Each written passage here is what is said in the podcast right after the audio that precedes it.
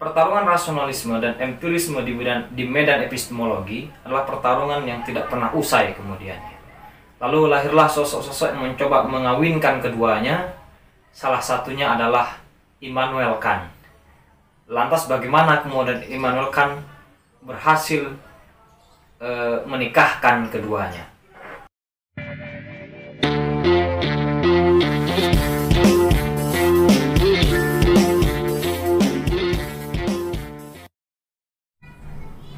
Teman-teman, sahabat-sahabat, kita akan lanjutkan kajian kita ke jabat tangan kelima, yaitu pelaminan empirisme dan e, rasionalisme.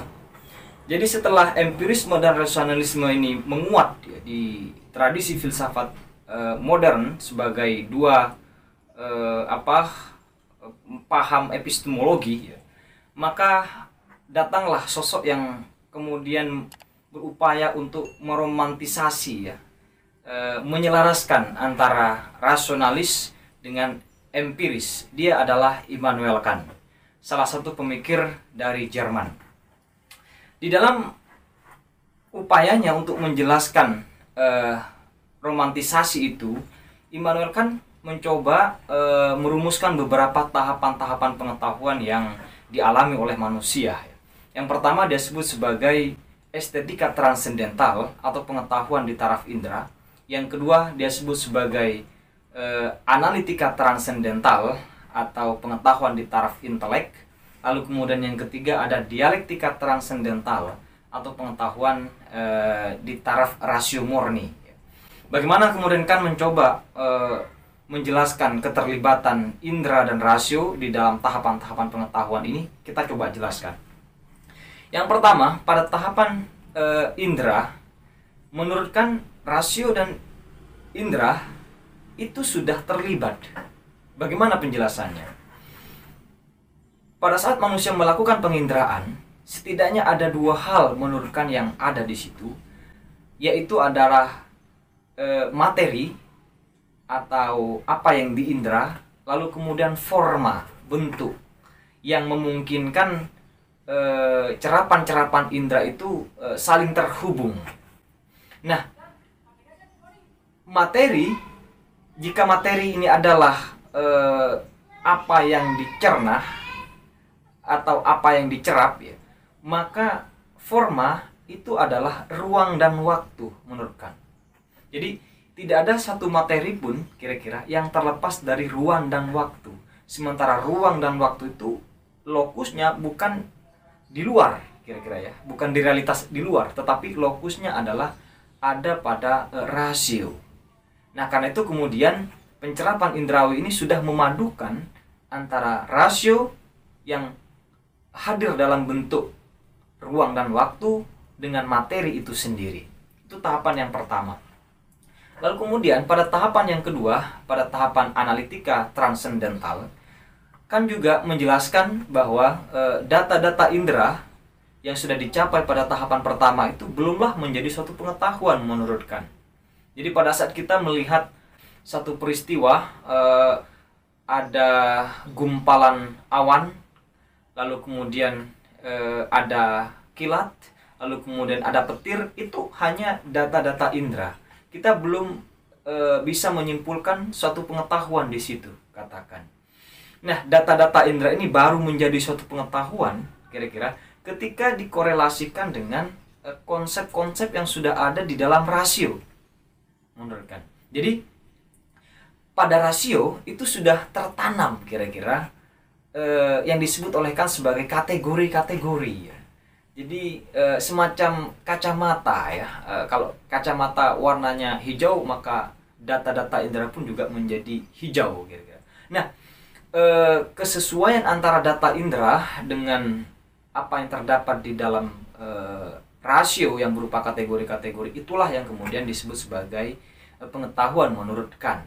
Jadi kalau tadi ada eh, apa ada peristiwa dari eh, apa eh, awan menggumpal, kemudian ada kilat, lalu ada petir, maka di situ rasio kemudian membuat semacam eh, penyimpulan bahwa penyebab dari kilat itu adalah eh, awan yang menggumpal ya yang kemudian juga melahirkan eh, petir. Itu yang kemudian disebut sebagai sebab akibat. Jadi sebab akibat itu bukan eh, di luar bukan di realitas kira-kira. Tapi sebab akibat itu adalah di pikiran di hukum pikiran. Yang itu disesuaikan dengan eh, fakta di realitas yang dicerap oleh eh, indera.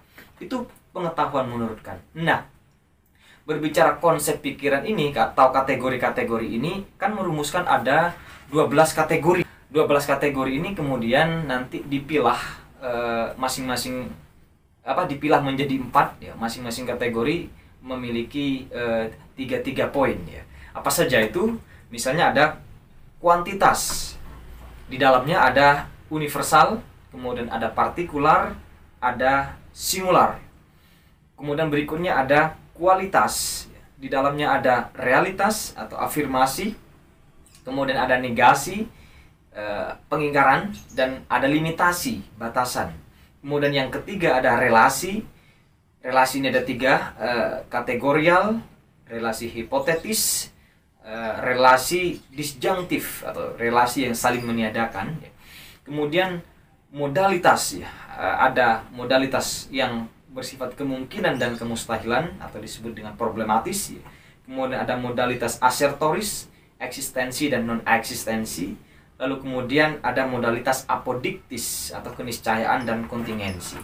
Jadi kesesuaian data indera dengan e, kategori yang 12 barusan itulah yang kemudian disebut sebagai e, pengetahuan menurut Immanuel Kant. Pada tahapan ini e, fisika, e, biologi, kimia, sosiologi, psikologi atau pendeknya sains itu dimungkinkan karena pada sains itu ada upaya e, pencapaian dari riset-riset indrawi lalu kemudian ada upaya penarikan universalisasi ya, melalui e, pen, apa e, ke dalam rancangan hukum-hukum yang sudah di ada di dalam kategori-kategori pikiran. Menurut kan itu adalah analitika transendental. Lalu kemudian yang ketiga adalah dialektika transendental. Dialektika transendental ini adalah tahapan yang itu murni rasio, murni konsep-konsep. Jadi yang di otak ati itu adalah uh, antar konsep. Jadi sudah tidak ada indera, walaupun awalnya mungkin di, di, disusun melalui indera, tetapi proses pengotak-atian di dalam tahapan uh, dialektika transendental ini tidak melibatkan indera.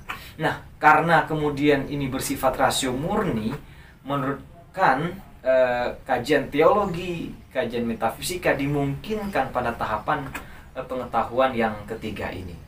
Itulah yang poin penting bagaimana Immanuel Kant eh, merumuskan tahapan-tahapan pengetahuan ini di mana pada setiap tahapan dapat kita cerna ada keterlibatan indera dan rasio.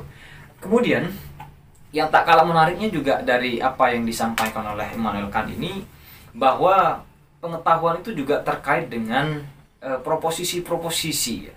Jadi setelah kita sampai kepada suatu pengetahuan dari tiga tahapan barusan, maka masing-masing tahapan itu kira-kira ada proposisi-proposisinya yang bisa kita e, bikin ya.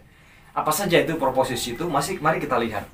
Kan membeda membedakan ada tiga jenis proposisi ya proposisi pertama yang disebut sebagai proposisi analitik, kemudian yang kedua proposisi sintetik a priori, dan yang ketiga proposisi sintetik a posteriori. Nah, kita mulai dari yang ketiga ya. Sintetik a posteriori adalah e, proposisi yang predikatnya berupa informasi baru bagi subjek lewat pengalaman. Nah, e, proposisi ini cocok dengan e, pengetahuan di taraf indera. Contoh misalnya semua benda memiliki berat ya. Jadi kita sampai kepada pengetahuan itu tentu melalui proses e, pencerapan e, indera. Kira-kira. Jadi prosesnya indrawi. Kemudian posisi yang kedua sintetik a priori ya. Sintetik a priori ini adalah proposisi yang predikatnya tidak termuat di dalam subjek tetapi didapat tanpa harus melalui pengalaman. Contohnya apa? Contohnya adalah satu tambah satu sama dengan tiga. Apa? E, satu tambah dua sama dengan tiga. Tiga sebagai predikat kira-kira itu tidak terdapat di dalam satu tambah dua. Tetapi kita bisa menjawab tiga tanpa proses pengalaman. Kemudian yang terakhir, yang ketiga, proposisi analitik. Proposisi analitik adalah proposisi yang predikatnya termuat e, di dalam atau diturunkan dari subjek. Jadi predikatnya sudah bagian dari subjek. Contohnya misalnya semua benda berkeluasan. Jadi berkeluasan itu sudah hakikat dari semua benda. Atau pulpen ada. Jadi ada keberadaan itu adalah hakikat dari pulpen sudah bagian dari pulpen maka dengan demikian proposisi yang ketiga ini disebut proposisi analitik jadi proposisi yang pertama tadi sintetik a posteriori itu cocok dengan estetika transendental pengetahuan di taraf indera lalu kemudian proposisi sintetik a priori itu cocok dengan analitika transendental ya kemudian proposisi analitik itu cocok dengan dialektika transendental. Jadi eh, masing-masing tahapan pengetahuan itu bisa dirumuskan proposisi-proposisinya seperti itu menurut eh, Immanuel Kant. Lalu kemudian yang terakhir yang tak kalah menariknya adalah dari Immanuel Kant ini semua yang kita rumuskan sebagai suatu pengetahuan itu menurut Kant adalah sebatas dari fenomena ya. Karena kita di dalam upayanya mencapai pengetahuan itu tidak pernah sampai kepada sesuatu pada dirinya atau disebut sebagai das Ding an sich di dalam bahasa Jerman atau the thing in itself di dalam bahasa Inggris. Jadi sesuatu pada dirinya itu adalah tetaplah menjadi sesuatu yang tersembunyi yang tidak akan pernah e, dicapai oleh manusia dalam upayanya melewati eh, ruang-ruang epistemologi. Saya tidak tahu apakah dalam hal ini kan ini menyisakan ruang bagi ketuhanan atau kemudian ini konsekuensi dari proses epistemologi yang ingin menekankan keterbatasan manusia di dalam e, mencapai suatu pengetahuan. Itu beberapa poin penting dari e, pemikiran Immanuel Kant tentang epistemologinya yang mengawinkan antara empiris dan e, rasionalis. Jika teman-teman punya pandangan lain, silahkan dicatat di kolom komentar.